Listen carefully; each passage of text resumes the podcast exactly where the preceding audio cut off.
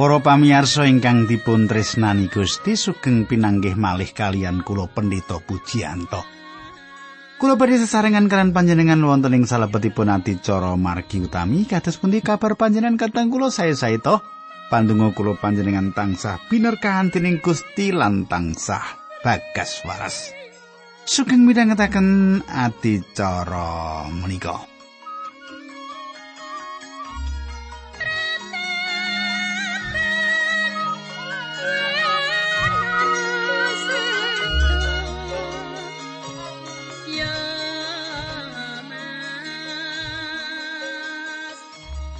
Para pamirsa, menapa panjenengan tasih kemutan menapa ingkang kula andharaken duk nalika pepanggihan kepengker?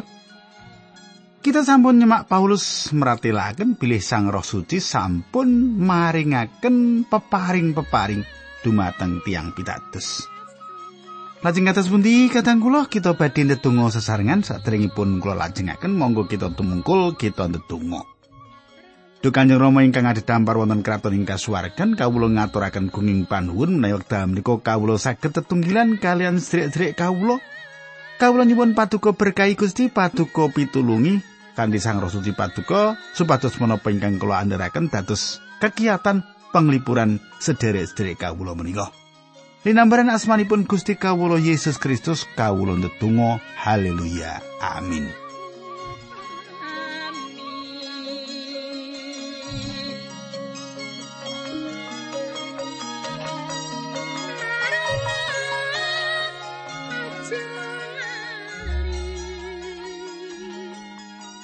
Para pamirsa ingkang kula tresnani, samenika pasinan kita sampun lumebet ing kitab Setunggal Korintus 12 ayat doso. Setunggal Korintus 12 ayat doso.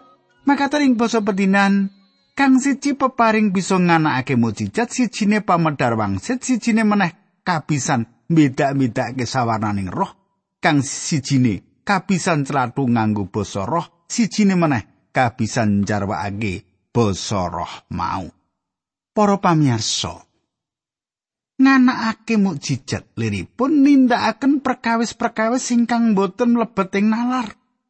Wonten mukjizat-mukjizat ing jaman para rasul nanging jaman samenika kita ningali perkawis-perkawis ingkang langkung ageng. Ing wekdal Gusti Yesus wonten ing donya, panjenenganipun ngendikan dumateng wanita ing sumur utawi dumateng Nikodemus lan tiyang menika dados jiwa enggal kula mboten gumun kekayutan kelan perkawis menika.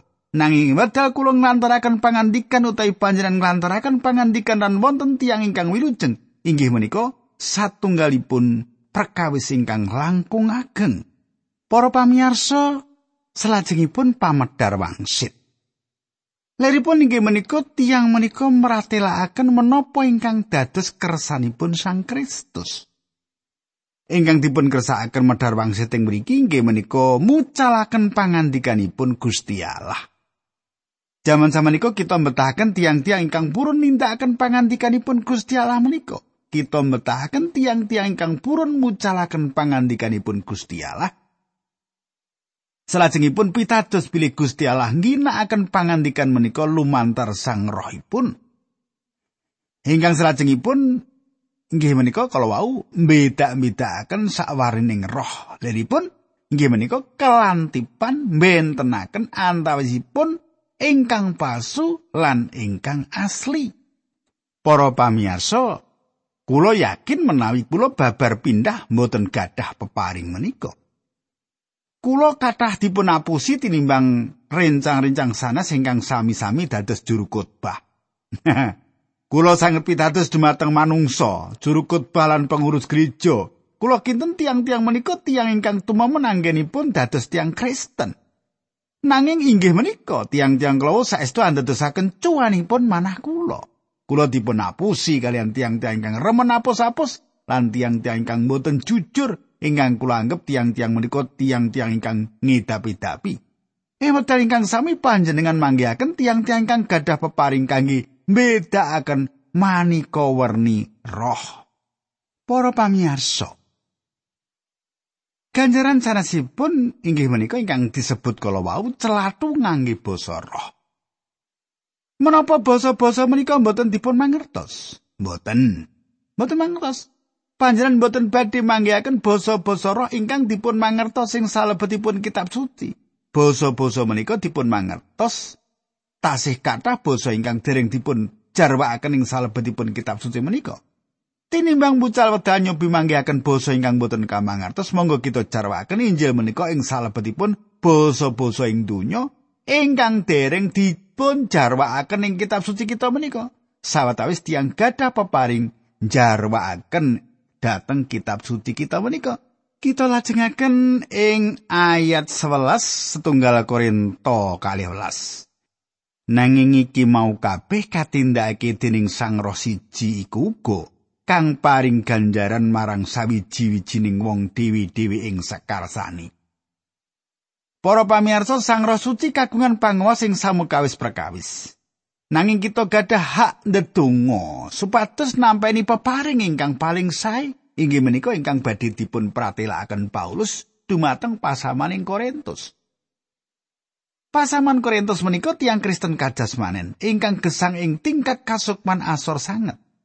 Pasaman Korintus gumun dumateng tiang-tiang ingkang ginakaken basa roh. Inggih menika jalaranipun kenging menapa Paulus ngrembak ing serat kentunan menika. Paulus nyuping leresaken perkawis-perkawis ingkang lepat ing salebetipun pesaman Korintus. Lan wonten kata sangat perkawis ingkang lepat, Paulus nedahaken bab kata ing peparing lan Sang Roh Suci ngedum peparing menika dumateng saben pribadi kados ingkang dipun kersakaken dening panjenenganipun. kita lajengaken ing ayat kalewelas. Sebab kaya dene badan iku siji mongko gegelitane akeh sarta sakai gegelitaning badan iku senajan akeh padha dadi badan siji mengkono Sang Kristus. Para pamirsa kangge sinau perangan menika kita kedah nyemak kali ayat sanesipun. Pancen perangan iku kakeh nanging badane mung siji. panjenengan saged semak ayat kali dosa. Lan kowe iku padha dadi sarirane Sang Kristus sarta siji-sijine padha dadi perangani. Ayat 17. Paulus ngginakaken bandingan kalian badanipun manungsa. Badan menika gadah peranganipun ingkang gadah ginomu pangat ingkang benten-benten. Semanten ugi warga gereja perlu nindakaken guna mupangat ingkang benten-benten. Badan manungsa gadah kathah perangan atusan malah saged ewon gegelitan. Ing salebetipun gereja, sariranipun Sang Kristus, saben perangan kaparingan peparing, atusan saged ugi ewon peparing. Badan menika kasusun saking kathah perangan, wonten balung, otot, kelenjar, organ, urap saraf, lan ugi pembuluh darah. Kula mikiraken kanthi saestu, saupami kula kesah ing satunggal papan badhe khotbah, selajengipun suku kula mbali lan sanjang Eh, aku ora gelem lunga. Aku wis bareng karo kowe taunan. Lan kowe ora tau gatekke aku. Wong kabeh gatekke cangkem ilat lan raimu. Nanging wong-wong mau ora gatekke aku, ora gelem deleng aku. Apa bisa kowe mbuka sepatumu iki lan kaos sikilmu lan kowe nyawang aku sira? Bisa to? Para pamirsa ingkang kula tresnani, kula mboten yakin menawi tiyang badhe kadudut manahipun ningali suku kula. Suku kula mboten dudut ati. Nanging sinaosa suku kula menika mboten nutut ati suku menika perangan ingkang penting saking badan kula. Ing sariranipun Sang Kristus kathah kegelitanipun. Sawatawis sing antawisipun mboten nate kita tingali, gitu. Sawatawis kegelitan ingkang penting piyambak ing salebetipun gereja-gereja ingkang kula ladosi, priya lan wanita ingkang mboten misuwur ing gerejanipun. Tiang-tiang menika sanes pengurus, sanes guru sekolah minggu, sanes penyanyi solo utawi tiang ingkang khotbah. tiang-tiang menika tiang-tiang ingkang kendel lan boten ketinggal ingkang ndedonga lan nindakaken peparing iman. Kados pundi caranipun satunggalipun tiang mlebet ing salebetipun badan tiang-tiang pitados. Kita lajengaken ayat 13, nggih. Kita lajengaken ayat 13. Mergo kita kabeh dadiya wong Yahudi, dadiya wong Yunani, Dadi batur tukon dadi wong merdeka wis padha kabaptis dadi badan siji padha kaombenan ing tunggal roh. Para pamirsa ingkang dipun kersakaken inggih menika baptisan Sang Roh Suci inggih Sang Roh Suci kemawon. Ingkang mapanaken kita ing salebetipun badan tiang-tiang pitados lan ingkang paring peparing dumateng saben perangan mligi kita kedah migunakaken ing salebetipun badan menika lan kita kedah ginakaken peparing menika. Saged ugi kita menika suku ingkang peladosanipun boten ketinggal nanging penting. Saben kita gadah satunggal peparing lan kita sadaya kedah migunani Para pamirsa, samenika kita lajengaken ayat 18 ngantos pitulas. Makaten surasipun.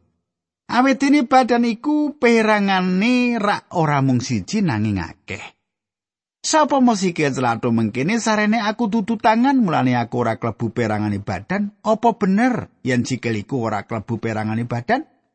Lan saupama kuping celatu mengkene sarene aku dudu mripat mulane aku ora klebu perangane badan? Kang iku apa ya bener yen kuping mau ora klebu perangane badan saupama badan sekujur iku mung wujud mripat banjur pangrungune ana ing ngendi saupama badan sakujur iku mung wujud kuping pangandarane ana ing ngendi Para pamirsa, Sang Roh Suci mboten badhe maringi peparing ingkang sami dumateng saben tiyang.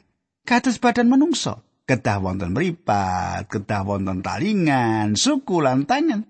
Tiang-tiang ingkang sanes dipun paring peparing ingkang benten dening Sang Roh Allah supados sariranipun Sang Kristus saged migunani ing salebeting samukawis kabetan peladusan ingkang perlu. Samenika kita lajengaken ayat 18. Nanging Gusti Allah wis merenahake gegelitan iku ing papane dewi-dewi ana ing badan manut ing karsani. Para pamirsa, Gusti Allah inggih menika ingkang Maha Kuwas paring peparing lan panjenenganipun maringi tiang-tiang peparing supados sandesaken keparingipun. Inggih panjenenganipun kemawon ingkang kedah dipun dadosaken kepareng ing manahipun. Peparing-peparing menika wonten ing salebetipun badan supados badan saged migunani. Kulo nate ningali tiang jaler ingkang gadah peparing ingkang boten limprah. Tiang menika sanes tukang nampi tamu, Nanging tiang menika badhe ngadeg wonten ing wingking gereja lan menawi wonten gangguan utawi ribut sadangunipun ibadah, tiang menika ingkang ngurusi perkawis menika. Menawi wonten bayi nangis sing salebetipun gereja, pramila tiang jalur menika badhe madosi ibu bayi menika supados ngeneng bayinipun sawetawis salajengipun tiang jalur menika sanjang. Kulo sami gadah kamar lari ing mriki, menapa pareng kula beto bayi panjenengan dateng mriku utawi nedahaken kamar kangge lari dumateng panjenengan? Para ibu tansah ngajeni dumateng tiang jaler menika, tiang jaler menika tansah sanget ngemong. Kathah tiang, kula sanjang dumateng tiang jaler menika bilih piyambakipun menika gadah peparing ingkang arang lan peparing menika ingkang dipun betahaken gereja.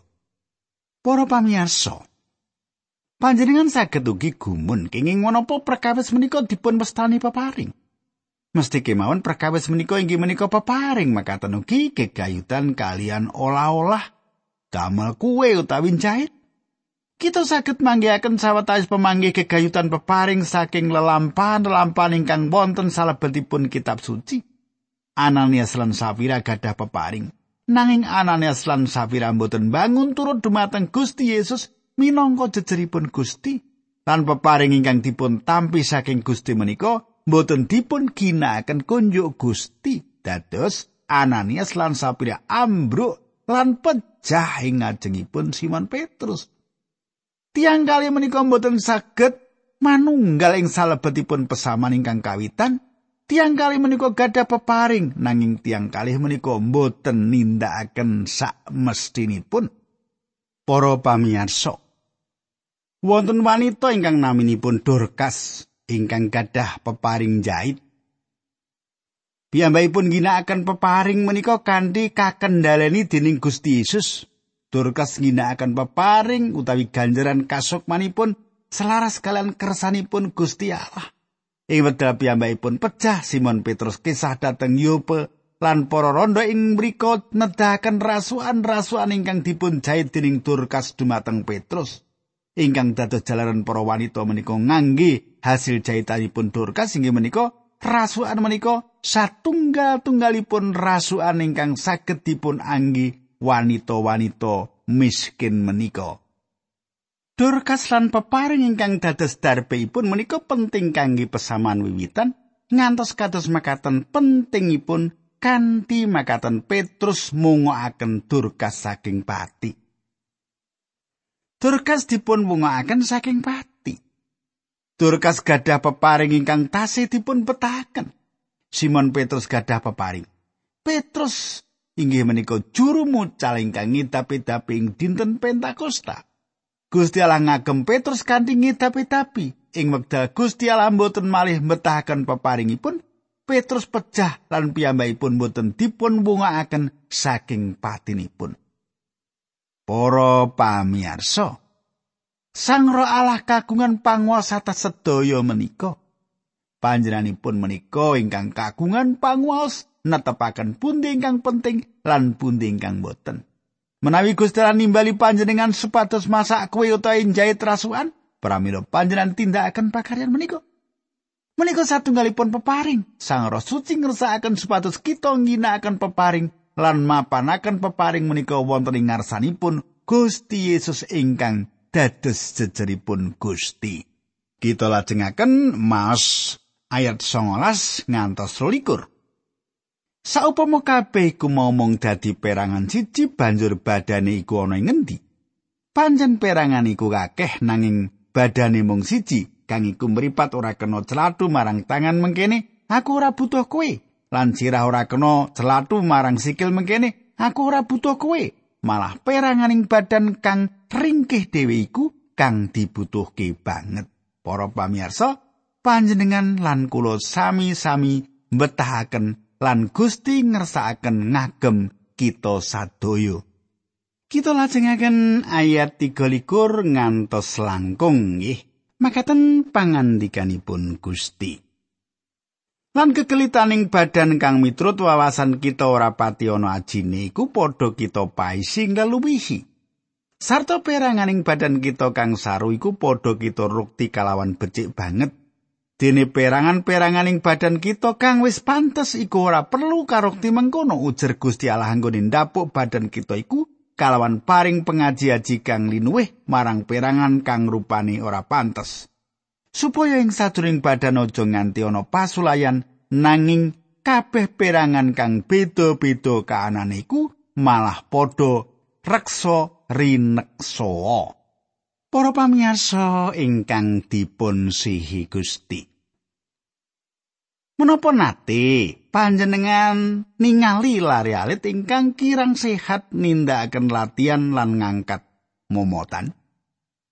Lari menika mbudidaya ndapuk otot-ototipun lan nyobi ndapuk kegiatan. Inggih kados makaten menika Gusti Allah nggatosaken badan tiang pitados supados peparing alit menika saged minda, minda Manut kula kathah peparing ing salebetipun gereja ingkang perlu dipun kembangaken ing jaman samenika. Saged ugi panjenengan rumaos bilih panjenengan dereng nindakaken menapa-menapa kangge Gusti.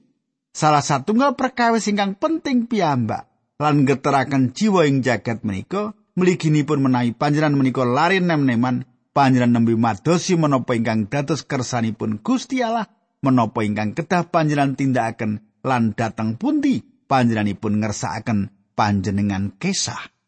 Para pamirsa saestu satunggalipun pengalaman ingkang ngeteraken manah. Lan satunggalipun perkawis pangumbaran ageng kepengin mangertos peparing menapa ingkang sampun Gusti Allah paringaken dumateng panjenengan.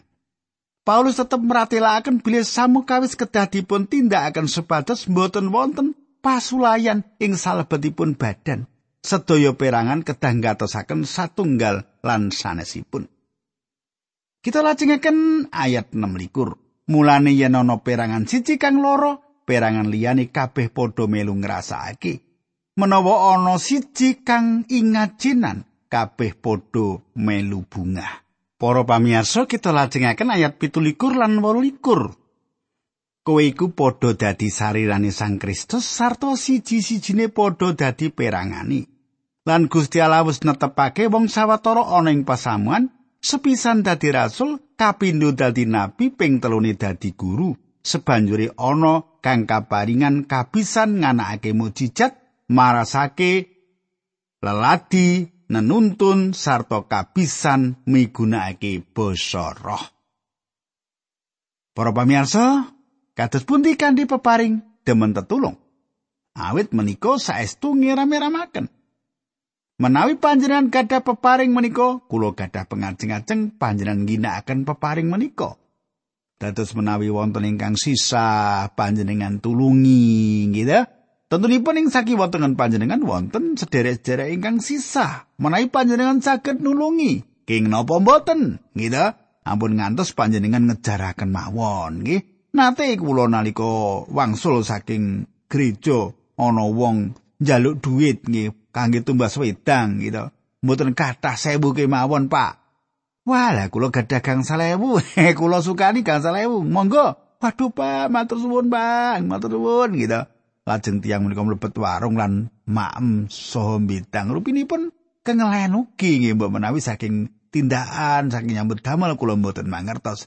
Nanging menika ampun dipun sebat menika peparing demen tetulung. Nanging langkung kathah niki namung contoh ingkang sekedhik kemawon. Nah, para pamirsa kita lajengaken ayat 29 lan 3 dosa. Makaten surah sing pangandikan, apa kabeh iku dadi rasul utawa nabi utawa guru?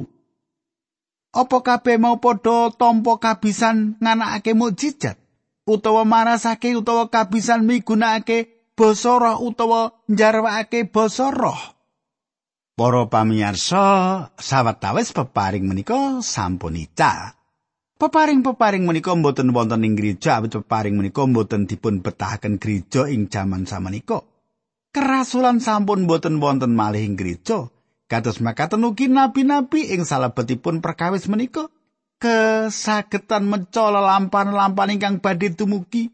Paulus ugi nyetaken bilih mboten sedaya tiang gadah peparing Menapa sedaya tiyang menika rasul? Jawabanipun ingkang tentu inggih menika mboten.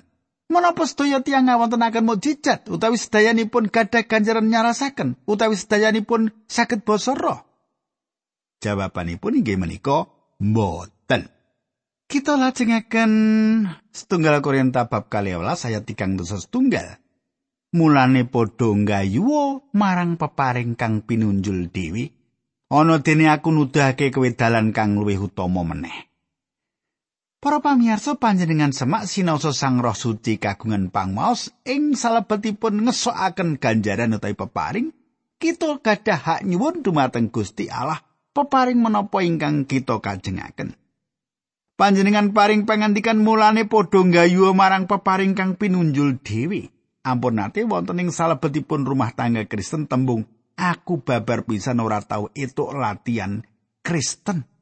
Para pamirsa, panjenengan gadah hak nyuwun peparing ingkang sae piyambak dumateng Gusti Allah. Sawetawis tiyang nyerat tembung menika dumateng kula, kula saestu estu ndedonga supados panjenengan nampi baptisan Roh Suci. Kula sampun nampi baptisan menika sanes satunggalipun pengalaman utawi satunggalipun ingkang kula tampi sesampunipun kula wilujeng Nanging Sang Roh Suci mapanaken kula ing salebetipun badan tiang pitados ingkang dados rono kula nglampahi baptisan Sang Roh Suci. Donga kula inggih menika supados kula saged basa Indonesia langkung sae, keng menapa? Basa Jawa langkung sae, keng menapa? Jalaranipun inggih menika saestu sederhana. Inggih menika supados ganjaran kasukman utawi peparing kang Gusti Allah paringaken dumateng kita inggih menika saged kapisungsungaken kangge kepentingan pelatusan. kangge kasugian tiang pitados kangge gereja tanpa ningali peparing ingkang Gusti Allah paringaken dumateng panjenengan. Panjenengan kedah mangertos bilih ingkang dipun kersakaken peparing menika inggih menika supados wonten ginanipun kangge tiang pitados sanesipun perangan badan sanesipun. Para pamirsa monggo kita tumungkul kita ndedonga. Duh Kanjeng Rama ing adhedhampar wonten ing kasuwargan kawula ngaturaken gunging panuwun menawi wekdal menika kawula saged tetunggilan kalian sedherek-sedherek kawula ingkang setya tuhu midhangetaken adicara menika. Kawula nyuwun berkah paduka Gusti supados berkah paduka lumuntur dhateng sedherek-sedherek kawula ingkang setya tuhu midhangetaken adicara menika. Dinambaran asmanipun Gusti Yesus Kristus kawula netunggal haleluya amin.